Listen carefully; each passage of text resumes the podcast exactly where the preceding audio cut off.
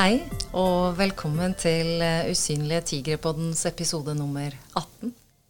I dag så har vi et tema som eh, flere har eh, spurt etter. Det skal dreie seg om uh, ungdommer under 18 som ruser seg. I dag har jeg fått besøk av to kunnskapsrike ressurser. Begge to tilfeldigvis med god dialekt fra Brumunddal. Og jeg har med meg Britt Nysvenskar. Og jeg har med Marianne Ile. Vi skal prøve å gi dere som lytter litt innsikt om hva de ser i sitt virke i dag. Eh, og litt om eh, foreldres handlingsrom. Vi skal gi dere litt kunnskap om at tidlig behandling nytter. Og at eh, veien kan være Det kan være veldig lurt å be om hjelp. Jeg starter med deg, Britt. Ja. Hvem er du, og hva driver du med? Eh, nei, jeg heter da Britt og er fra Brumunddal, eh, som du sa, Ringsaker. Eh, og jobber i eh, Fossumkollektivet. Der har jeg vært i, i to runder, eh, men siste, siste tida, fra 2007, som jeg var med og bygde opp en eh, ROP-avdeling for eh, gutter på Hamar. Og da må jeg stoppe deg med en gang, fordi nummer én, hva er Fossumkollektivet, og hva i all verden er ROP? Ja, Fossumkollektivet er en ideell eh, stiftelse som jobber med unge rusavhengige. Um, og mm, det som er spesielt med Fossum, er jo at det er ingen som henter ut store utbytter og uh, tjener seg rike på folks elendighet. Uh, det er utrolig viktig for meg. Uh, at alt overskudd går tilbake til å utvikle bedre behandling og kurs og utviklingen av medlevere som jobber sammen med. Og når jeg sier medlevere, så betyr det at eh, de som eh, jobber med, direkte med ungdommer, de eh, lever halve livet sitt på arbeid. Så de jobber sju døgn på og sju døgn ta. Ja, Så de bor sammen med ungdommene mm. på, på, disse behandlingsstedene? Ja, for vi tenker jo den viktigste ressursen vi har, er medlevere og det med relasjonkompetanse. Da.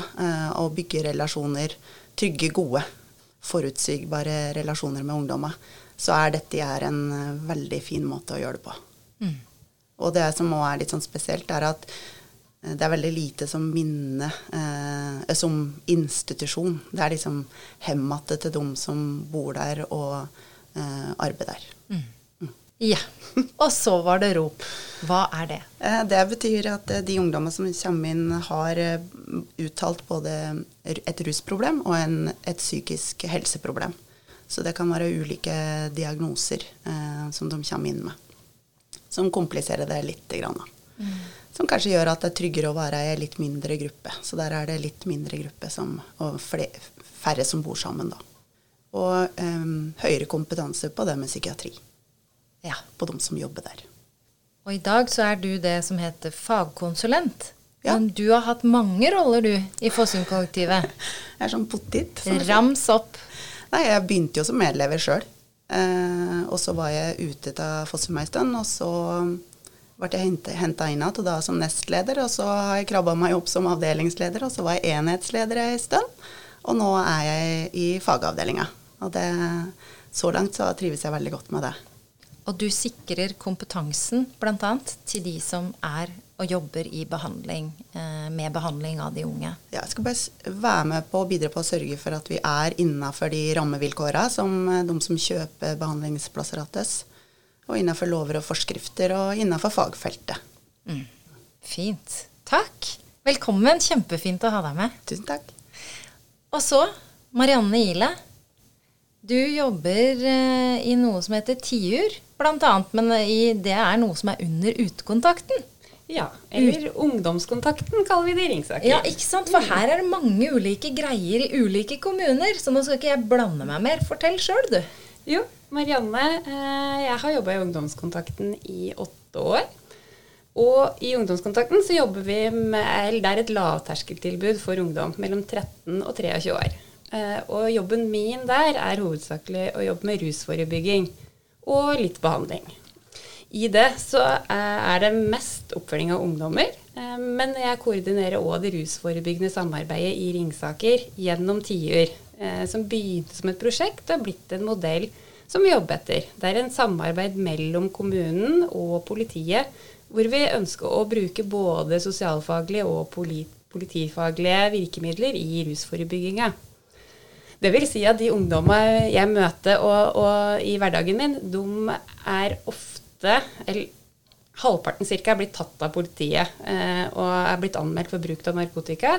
Og i stedet for å få ei bot eller en anmeldelse, så får de en påtaleunnlatelse eh, og med vilkår om å gå på ei ruskontrakt. Hva betyr påtaleunnlatelse? Det er at de ikke blir anmeldt, eh, men slipper påtalen, unnlater den, mot at de oppfyller visse vilkår.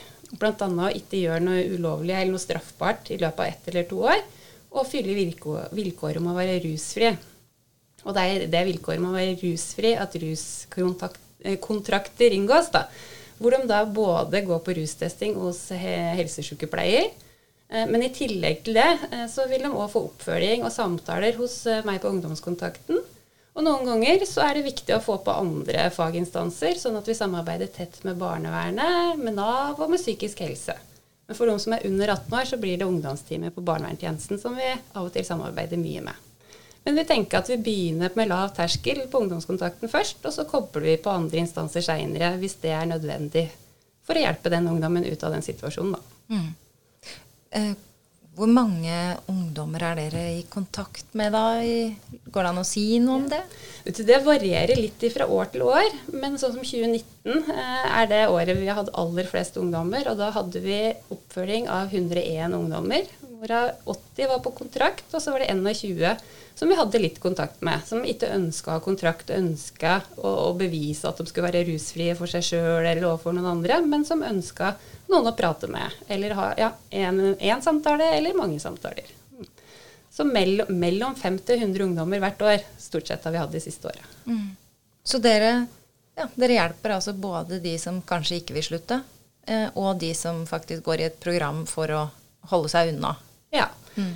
Målet er jo at eh, de aller fleste skal slutte, men eh, mitt mål er ikke alltid det samme som ungdommen sitt mål. Eh, og da tenker jeg da må vi møte ungdommen der de er, og så blir de samtalene mer en motivasjon for jeg håper at du skal slutte, men i hvert fall moderere og minske rusbruken sin. da.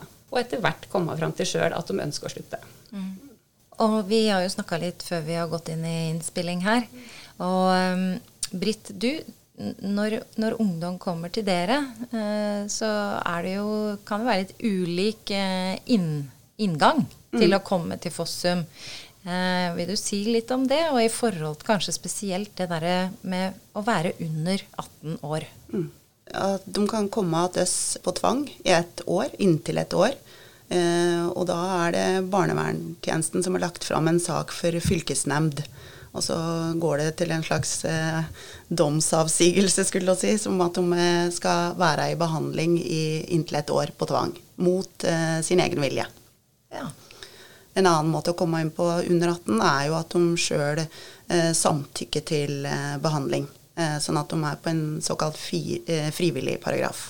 Og, og, vi opplever òg at noen kommer under 18 inn gjennom pasientrettigheter. For vi, vi tar imot uh, ungdom både uh, etter barnevern, og, men har òg um, avtale med Helse Sør-Øst og Helse Nord. Så da, hvis du gis pasientrettigheter, så får du komme inn i behandling i inntil et år.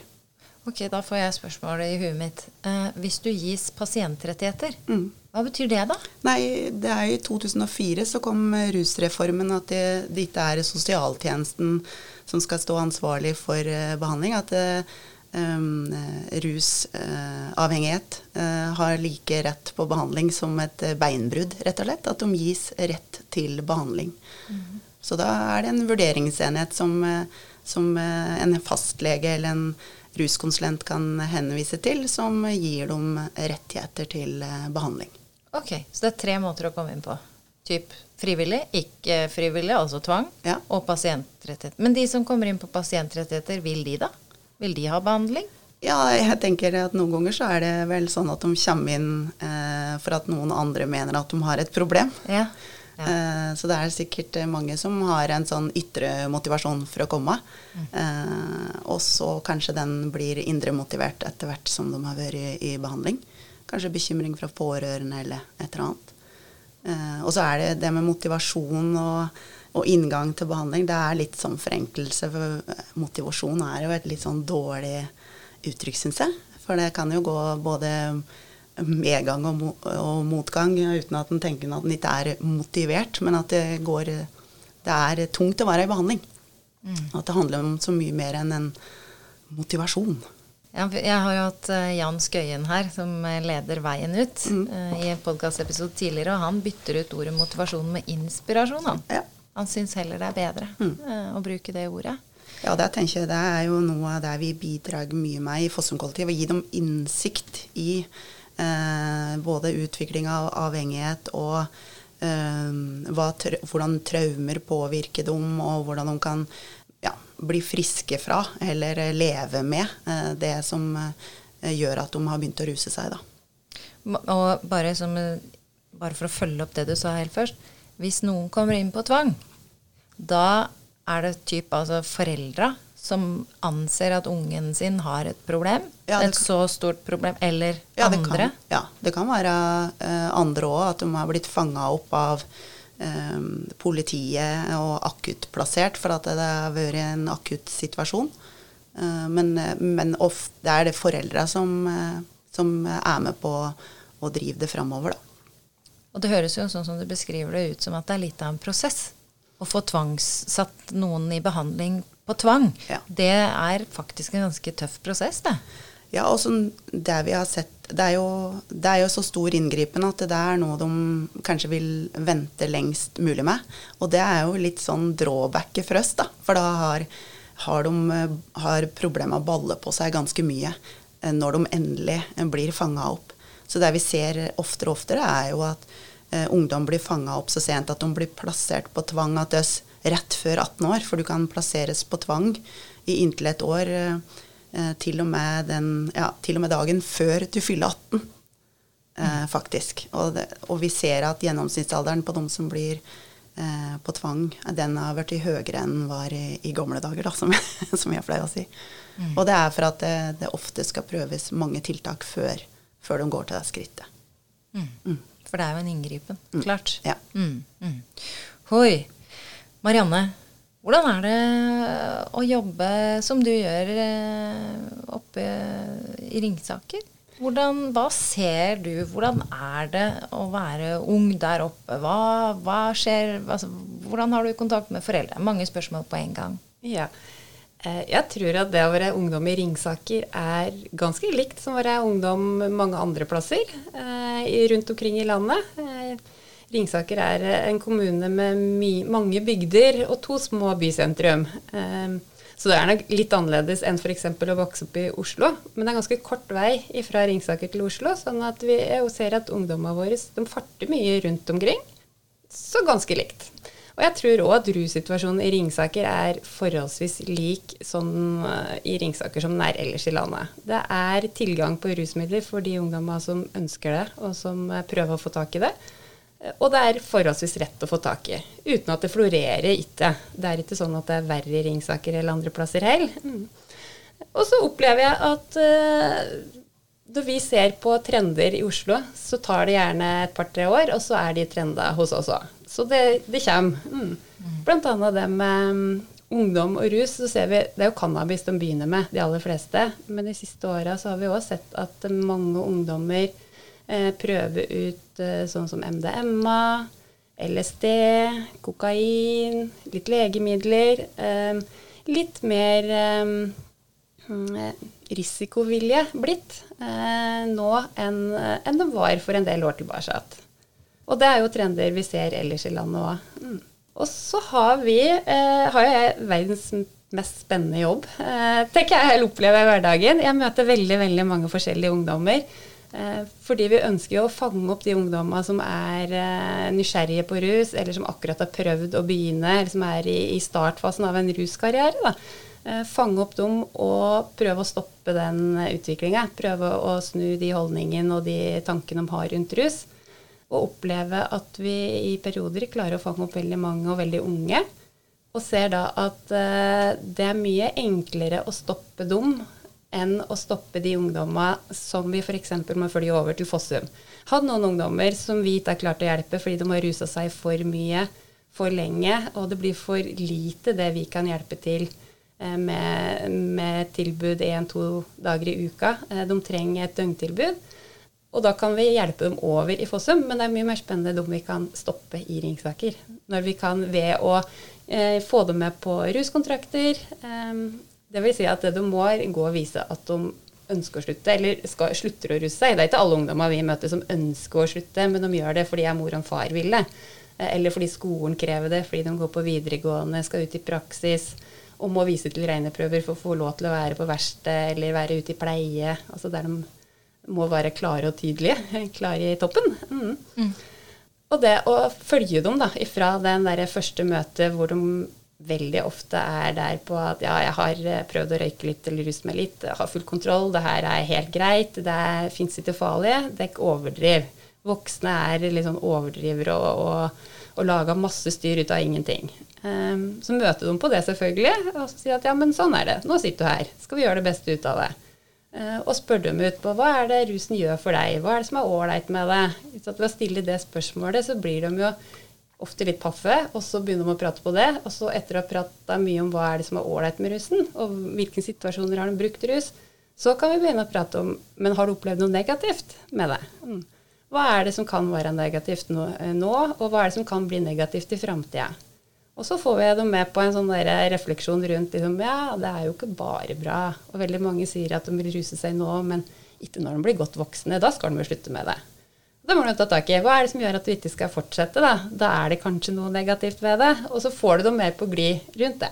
Mm. Og så har vi dialog. Og gjennom å prate om de her tinga, så får vi òg ofte opp andre ting som Hvis det er underliggende årsaker til at de har begynt, hvis det er psykiske problemer, vennerelasjoner, familierelasjoner, skoleproblematikk, som egentlig ligger under der, og som de ruser seg for å slippe å kjenne på de ubehagelige følelsene, så kan vi heller jobbe med å løse de problemene i stedet for å ha mest fokus på rusen. Mm. Og det er liksom å fange opp og finne ut av hva er det som er årsaken til at den ungdommen er foran meg, ruse seg, eh, som er det mest spennende. Og så kunne liksom følge inn på veien og se hvordan de klarer å finne ut av de tinga her mest mulig på egen hånd, men med å stille masse spørsmål og komme med noen tips og råd der det liksom kan passe seg, da. Mm. Og jeg får veldig lyst til å spørre, du sier dere kommer i kontakt med, eller klarer å oppdage, eller Men på hvilken måte klarer dere det? Det er eh, mange måter vi gjør det på. Altså, politiet er jo én eh, instans som avdekker mange eh, gjennom sine metoder å gjøre det på. Men samtidig så har vi òg hatt mye fokus på at lærere skal kunne se etter tegn og symptomer. Kunne fange opp, kunne prate med elever om rus. Eh, og hvis det oppdages at noen elever bruker rusmidler, så har vi et godt samarbeid, sånn at de vet at da kan de ringe til meg på ungdomskontakten. og så kan vi tilby oppfølging både til eleven og til foreldre. Helsesykepleiere kjenner, barnevernet jobber vi mye med. Eh, så alle som jobber med ungdom, kjenner til og har litt kompetanse på, på rus, og vet litt hva de skal se etter, og de kan, hvordan de kan snakke med ungdom om det. Og derigjennom er det òg lettere å, å, fange det opp, da. Og så er det noen ungdommer som kommer til oss fordi de har venner som har, har vært på kontrakt. Eh, og så er det kanskje en som kommer med kompisen sin og sier du vet du hva, kompisen min er og drev og rusa seg en del og har lyst til å slutte. Kan du prate litt med han òg? Sånn okay. at, ja, mange veier inn. Mange veier inn. Mm. Men kunnskap er jo det viktigste. Det å vite litt om rus og ha rusbriller på. Det å tenke at ungdom kan faktisk ruse seg, eh, gjør at da kan det hende du ser det. Og hvis du ser det, så må du tørre å spørre om det. Og når en tør å spørre ungdom om det, så får en ofte svar på et eller annet vis. Kanskje fornekte de det i starten, men du hvis en kjenner ungdom godt, så ser en gjerne på dem hvis, det, hvis de ljuger om det. Så da kan det gå noen flere runder mm. med spørsmål. Det er jo en utfordring, da. Det er mange mødre som sitter, og fedre også, som vet jeg at hvis eh, man skal spørre om det, ja, ruser du deg, og så får du det svaret du ikke vil ha, så kan man jo gå i tilt error i følelsesregisteret sitt sjøl og bli ganske redd. Eh, så det å klare å snakke med ungdommen sin og være rolig og i dialog, er jo kanskje en treningssak. Men Absolutt. Ja. Men, eh, men, men, fordi det var du opptatt av, Marianne, at, at vi skulle få frem her. Hvor viktig det er med foreldre. At mm. de er forebyggere. Ja. Jeg tenker at foreldre er de aller viktigste forebyggere. Den jobben begynner jo som en gang ungen blir født. Men det å liksom alltid ha en tanke om at en vil være til stede, ha litt oversikt over hva ungen og ungdommen driver med, hvem de er sammen med, hva de er ute på, hva de er interessert i. Eh, spørre og være nysgjerrig uten å være altfor invaderende. Det er jo en balansegang som er, kan være et kunststykke. Mm. Eh, men, men det å være mer engasjert enn mindre. Altså det er heller at ungdommen eh, klager litt på at du bryr deg litt for mye enn litt for lite. Mm. Og det å ha oversikt, fordi at da når du har oversikt, så vil du òg fange opp hvis ungdommen begynner å skli litt ut, være sammen med feil venner. Hvis du mister oversikten da, og ungdommen gjør alt for at du ikke skal ha den oversikten, da kommer den vonde, dårlige magefølelsen. Og den tenker jeg mange foreldre skal kjenne på og tørre å anerkjenne. Eh, og da står jeg det og tenker at ok, nå tar jeg den kampen. Puste med magen gjerne og, og konfrontere. Eh, men òg i de tilfellene kanskje prate med andre foreldre, spørre om det er andre som er eh, bekymra, om andre kjenner til hvilke miljøer som er, hva som rører seg i, ja, i vennekretsen eller i nærmiljøet. Mm. Og har liksom felles måte å sette grenser på eller hente på eller snakke med hverandre om, sånn at en gjør det vanskeligst mulig for ungdommer å eksperimentere med rus. For jeg tenker at Noen er nysgjerrige, noen vil eksperimentere med det. Men prøv å gjøre det vanskeligst mulig. Da stopper en flere fra å prøve. Mm. Ja, I hvert fall utsett uh, debuten. Og det er jo kjempeviktig for et alder og hjerneutvikling. Ja. Og det er jo du veldig opptatt av, uh, Britt. Det med at de unge hjernene. Mm. Fordi hva, hva, ser dere? For en ting er å prøve å få ungdommene til å vente og utsette den rusdebuten. Eh, eh, men så er det jo mange som er utforskende og utprøvende og har ikke tenkt å vente med dette her. Men, eh, men hva tenker du om, om det med tidligdebut, hjernen? hva ser dere på de dere får inn til dere? Eh, hvordan har de kommet inn i dette her, liksom? Og hva har de starta med? Og hva, hva, skjer når du ruser deg for mye over for lang tid når du er ung? Eh, det kan jo være forskjellige veier inn til rusen, men det der med eh, tilhørighet, og ha en plass og ja, føle at en kan få lov til å være seg sjøl, er jo ofte en innfast. De dropper litt ut av andre ting, kanskje, og så kommer de inn i en gjeng som de føler at de blir akseptert for den som de er. Uh, ellers så er det Det vi ser, er jo at de, de, har stoppa opp i utviklinga si, for de kanskje har begynt å røyke så mye hasj at de ikke får med seg skolegangen sin, og så begynner å skulke. De snur rundt på døgnet. Så når de kommer inn til oss, så er jo det en vesentlig del av det vi driver med. En annen ting er at Eh, det med lærdom og innlæring blir eh, pausa. Eh, en annen ting er jo det å stå i følelsene sine. Rusavhengighet er jo en følelsessykdom. Så der andre ungdommer opplever å miste mormor eller være i, i kjærlighetssorg nyktert, så har jo disse her kanskje eh, rusa bort eh, det å stå i sorg og tap, f.eks. Eh, sånn at de kommer inn igjen med eh, store høl i kunnskapen sin og eh, ja, store utfordringer med å identifisere følelser. Kanskje de klarer å bare si at jeg, jeg har én følelse, og det er sint. Eh, og så vet vi jo at det er mye mer, men vi må på en måte hjelpe dem til å finne fram til hva er det de egentlig kjenner på. For det er jo, de har jo brukt den rusen til noe. Eh, så det å kartlegge den rusens funksjon òg, hva har de brukt rusmidler til? Litt det samme som Marianne nevnte i stad. Hva, hva, gjør rusen for deg, og mm. når er det du bruker det? Og være litt i di åpen dialog om det. Mm. For det tenker jo jeg at veldig, kan være veldig vanskelig for foreldre, da. Eller? hva, hva, hva sier ja. du, Marianne? Det er da jeg tenker at det kan være lurt å be om hjelp tidlig, da. Eh, det å få en tredjepart å prate med eh, om akkurat de tinga her. Vi i, i, Ringsaker, og jeg vet mange andre plasser òg, så har de Altså Ungdomskontakter, utekontakter, helsestasjoner har eh, oppfølging med ruskontrakter eller russamtaler. Eh, og eh, noe som kalles familieprogrammet eller cannabisprogram for ungdom, ungdommer. Eh, hvor den har fokus på det med både å få ungdommen Altså finne ut hvorfor ungdommen ruser seg, hvordan den kan slutte, men òg hvor den har veldig fokus på det med familie og relasjon mellom foreldre, søsken og ungdommen. Hva det gjør med, med hele familielivet, det at en uh, ungdom har begynt å ruse seg.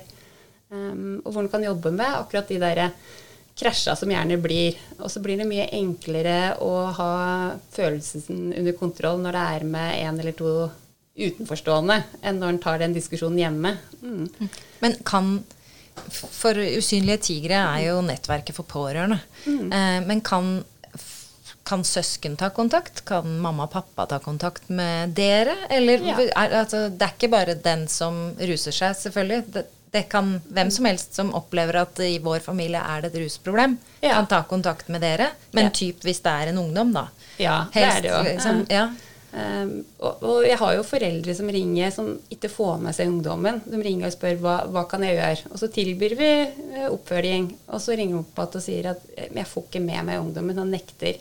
Eh, men da kan vi jo tilby de foreldra noen samtaler for å, å liksom støtte dem, veilede dem litt på hva de kan gjøre, det å, å hjelpe dem å, å ikke ta for mye ansvar, men legge litt ansvar over på ungdommen f.eks. For, eksempel. for en del foreldre blir jo òg noen ganger liksom muliggjørere for denne rusen ved å ikke ja, ikke vet hva de skal gjøre, og så legger de til rette sånn at de kan fortsette å ruse seg, for de tenker at det er en god hjelp. Altså, ja. det, det, er mange fallgruver å gå i. Eh, og det å liksom få noen å spare litt med og prate litt med om hvordan skal jeg håndtere situasjonen når ungdommen min ikke vil slutte å ruse seg. Mm. Og, er, og, og, bare det å få prate om hvordan er det å være mamma eller pappa eller søster eller bror å være så redd. Og, og liksom, hva skal jeg være redd for? Kan den dø? Kan den ikke dø? Altså, det, er, mm. det, er, jo så masse tanker som, eh, som, kommer, og så mye redsel. Så det å liksom ha noen som kanskje kan ta litt av bekymringa bort, eller bare lesse all bekymringa over på, eh, tenker jeg er kjempeviktig. Og viktig både i et sånn lavterskeltilbud som vi har, og så tipper jeg jo at Fossum gjør jo kanskje dobbelt så mye, mye, mye mer enn oss av det. Eh, men det er jo så viktig. Mm. Ja, og det er jo et trolig viktig, en viktig overgang du nevner der. For i Fossum-kollektivet, det er jo dette har vi vært inne på før, men det er like viktig å nevne igjen.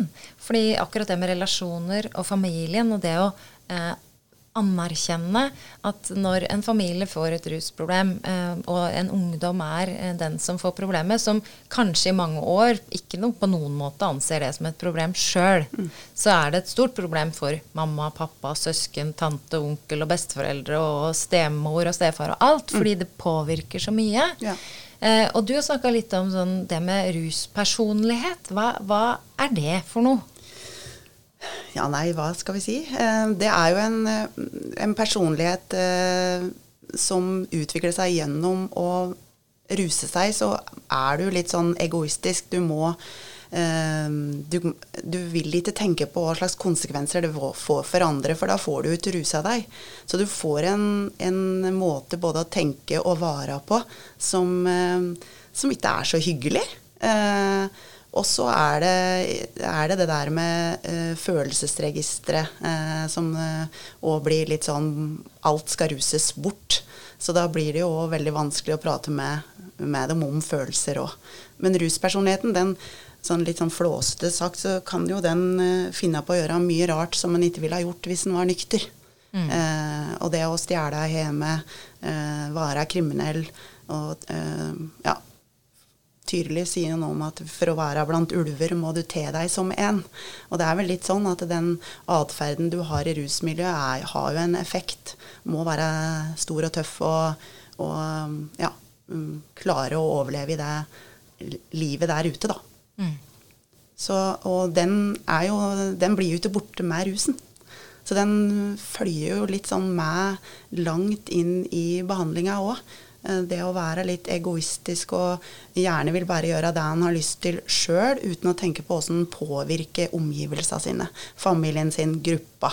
Så det er jo ofte i startfasen òg at det kan skje at ungdommen stikker av og ruser seg og ikke vil forholde seg til oss og de andre ungdommene og, og tenke egentlig hva, What's in it for me?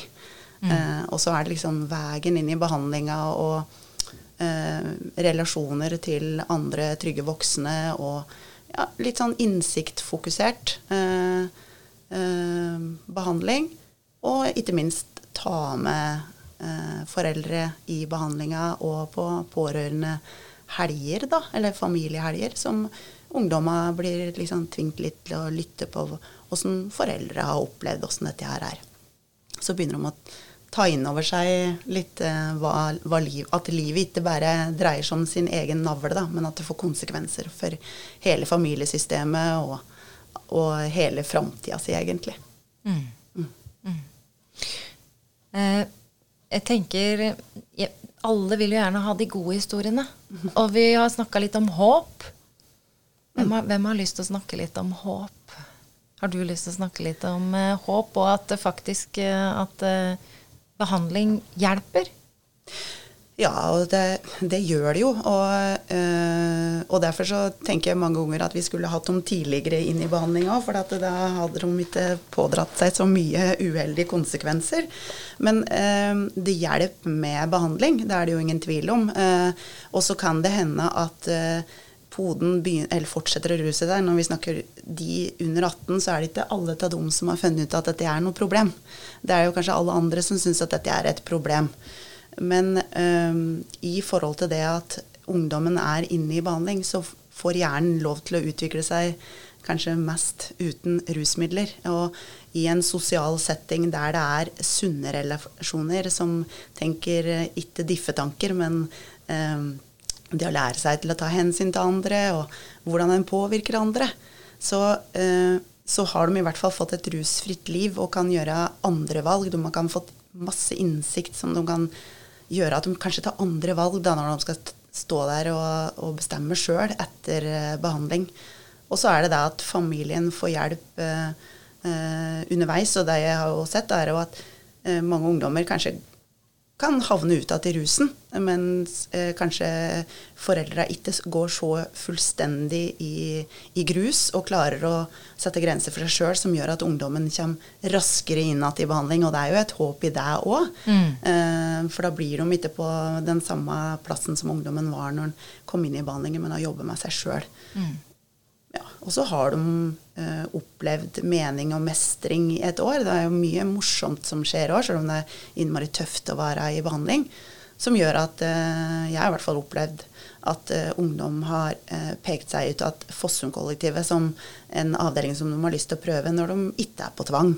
For at de opplevde å bli møtt med respekt, og at det var trygt at eh, de voksne bodde der sammen med dem. Så mm det virker. Noen går ut og er ute i skole og jobb. Det har jeg sett mange eksempler på. Mm. Eh, og det gir nye muligheter, da. Og, og pårørende kan, har muligheten til å få god hjelp, sånn at de òg kan senke skuldra og ta ansvaret for seg sjøl oppi det hele.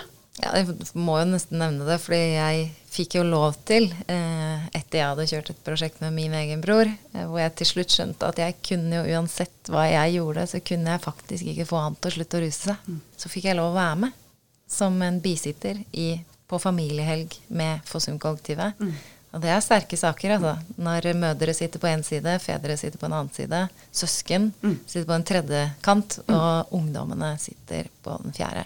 Og hvordan deling skjer der, og hvordan ungdomma støtter hverandre, tør å si imot hverandre, lytter til søskna sine, mødre, og fedre, mm. Er en sterk greie. Og jeg tenker det også, hvis jeg drar det over til deg, Marianne, og jobben dere gjør eh, i familieprogrammet deres hvor dere faktisk også gjør litt av det samme som Fossum gjør. Ta familien på alvor og relasjonene på alvor, bare enda litt tidligere.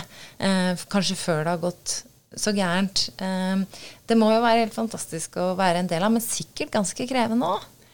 Ja, det er det jo. Eh, og, og jeg opplever noen ganger at det, noe av det mest krevende er kanskje den der fornektinga hos ungdommen på at jeg har ikke noe problem, det er dere som overdriver, det her er bare tull. Eh, men når vi kommer i posisjon, når vi har fått snakka sammen noen ganger, og, og, de blir med på det, eh, og får høre da, hvor bekymra foreldre har vært, hva foreldre har tenkt, hvordan de ønsker å hjelpe til, men ikke helt har klart det, eh, så er det kjempemorsomt å se på liksom, hvordan det samspillet endrer seg fra første til siste samtale, som vi har, da, som vi har. Og så tenker jeg at det, er, det skal ikke så mange samtaler til ofte når vi får tatt det tidlig. Eh, og det å liksom komme inn tidlig nok til å gjøre det, så det kan løses i løpet av eh, tre måneder i stedet for kanskje tre år som det må være i behandling hvis, det, hvis de får ruse seg mye, mye lenger. Mm. Mm. Så det, å, det, det, er det spennende med det, men òg litt det frustrerende at du må liksom begynne å grave i og, liksom, og grave fram problemet, fordi at det er så mye fornekting i det i starten. Mm. Eh, og noen av ungdommene vi har i oppfølginga, har jo ikke kjent på noe negativt med russen. De kjenner bare på det positive. Og det å, å, få foreldre til å være med på den tanken, er jo òg noen ganger en utfordring. For det tenker jeg at skal jeg komme i posisjon og jobbe med de ungdommene, så må jeg anerkjenne det positive med, med rusopplevelsen. Eh, vi må prate om hvorfor de har begynt, og hvorfor de fortsetter, og hva som er positivt med det. Eh, og det å ta med foreldre inn på det er òg spennende og blir sånn, noen ganger litt rare møter fordi at det blir veldig kunstig for, og rart og uvant for familien å sitte og prate om det her. Men når vi liksom kan lande på det med at ja, det er positivt, men vi må òg huske på de negative tinga. Men da blir det mer en balanse som gjør at det er spiselig både for ungdommen og for foreldre. Da. Mm. Mm. Og, i, og, i, det programmet dere, det dere er med og bidrar til, da, eh, hvor ruskontrakt er eh, for mange viktig, et viktig holdepunkt, eller noe de forplikter seg til, da, eh, mer eller mindre frivillig. Eh, så har jeg også Jeg jobber i et eh, stort norsk firma som jobber over hele Norge. Mange kolleger som selvfølgelig vet hva rusproblemer er, på ulik måte. Men en som jeg har fått lov til å sitere, uten navn selvfølgelig, han har flere unger. Og flere, alle har gått på ruskontrakt, men i, av den årsaken at de da kan si til gjengen at jeg kan ikke røyke. Mm. Fordi at jeg går på pisseprøver. Mm. Eller hva de kaller det. Ja. Går, går på pissings. Ja. Eller er på pissings. Mm. Ja, fordi at det blir da en mulighet til å slippe å ruse seg. Og akkurat i den familien så er det jo De kjenner hva rus, de vet allerede hva rusproblemer er, for de vet fra før. Så de unga vil jo helst slippe å ruse seg. Men det er vanskelig å la være ja. i gjengen. Ja. For du, det er som du også sa, Britt, ikke sant? tilhørighet mm. er utrolig viktig for ungdommer. Og hvor får du den tilhørigheten? Eh, det kan være at man trenger litt hjelp av veien der. Men, ja. ja. og der altså Når du prater på det med ruskontrakter og urinprøvetesting, så er jo det et veldig sånn omdiskutert eh, virkemiddel eh, i, i oppfølginga. Men i Ringsaker har vi veldig god erfaring med det. Og jeg opplever at ved at vi har den testinga, eh, så, så tar vi bort mye av den usikkerheten rundt Snakker ungdommen sant? Blir vi lurt nå? Eh, ungdommer slipper å bli mistenkeliggjort eh, av både oss og av foreldre.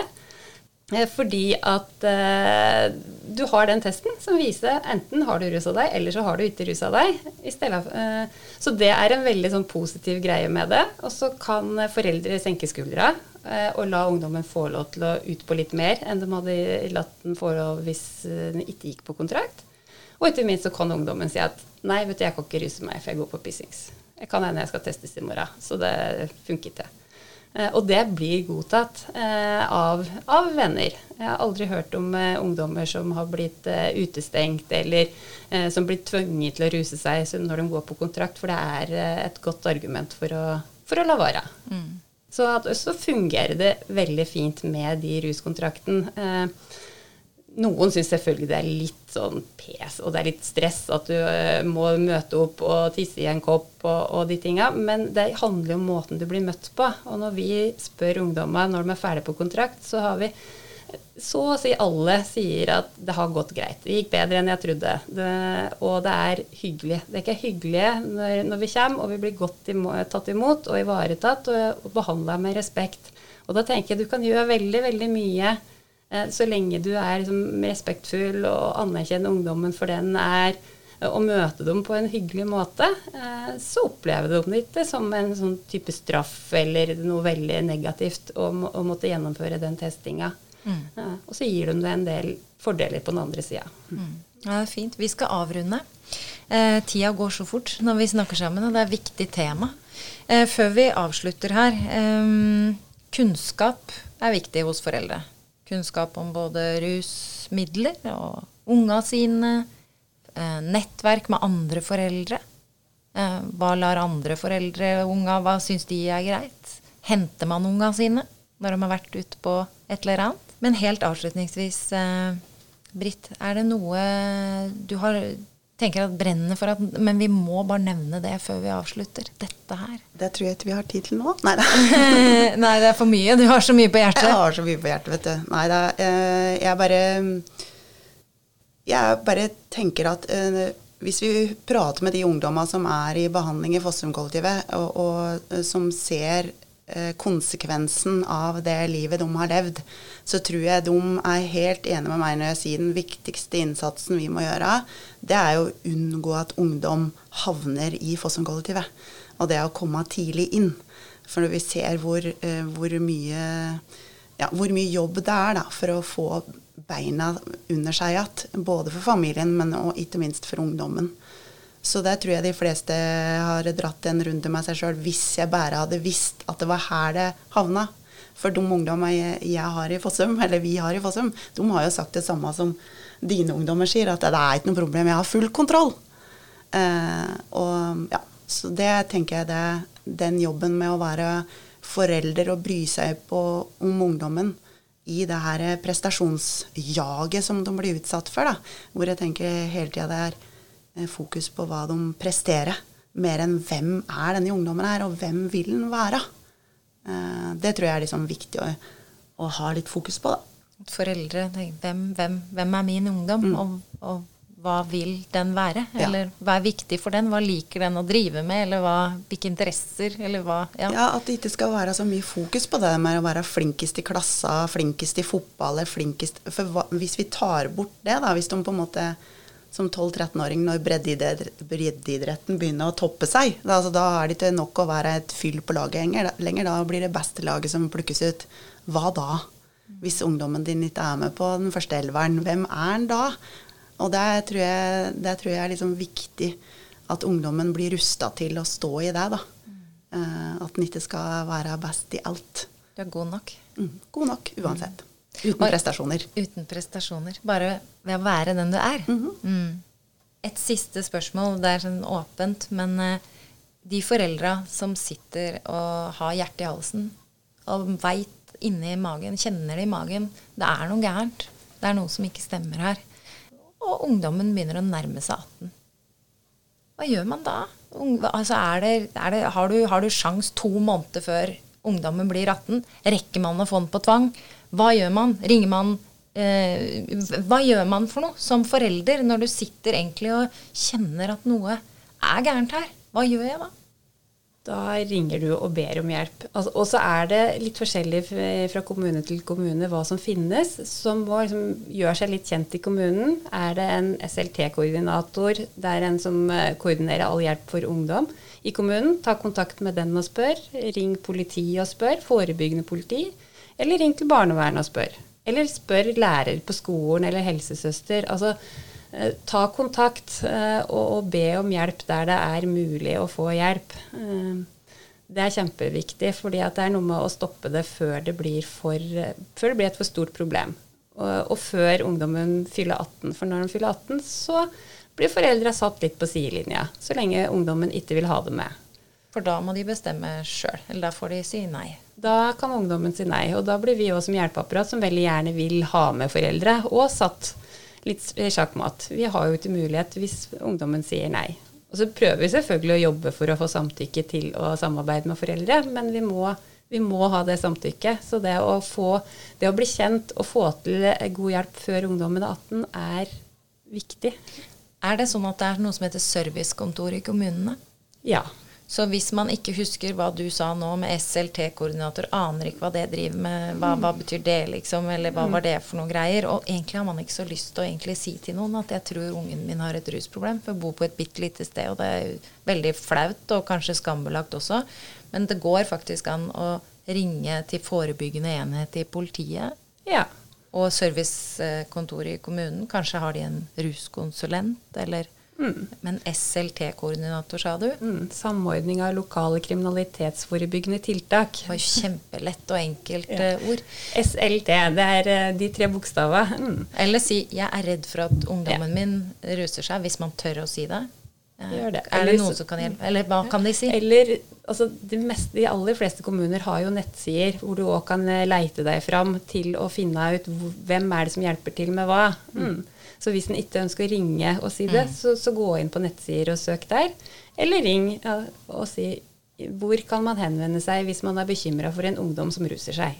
Ja. Så, så tenker jeg det er veldig viktig å si at eh, det å få en ungdom i heimen som ruser seg, det kan skje alle. Det har jeg lyst til å si.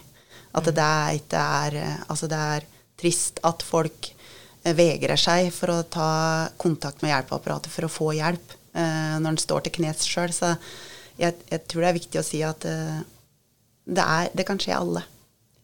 Og, Det det, er jeg helt enig i. Det har jeg sett òg. Mm. Absolutt alle. og med det så sier jeg tusen takk for at dere kom i dag. Åh, viktig arbeid dere gjør.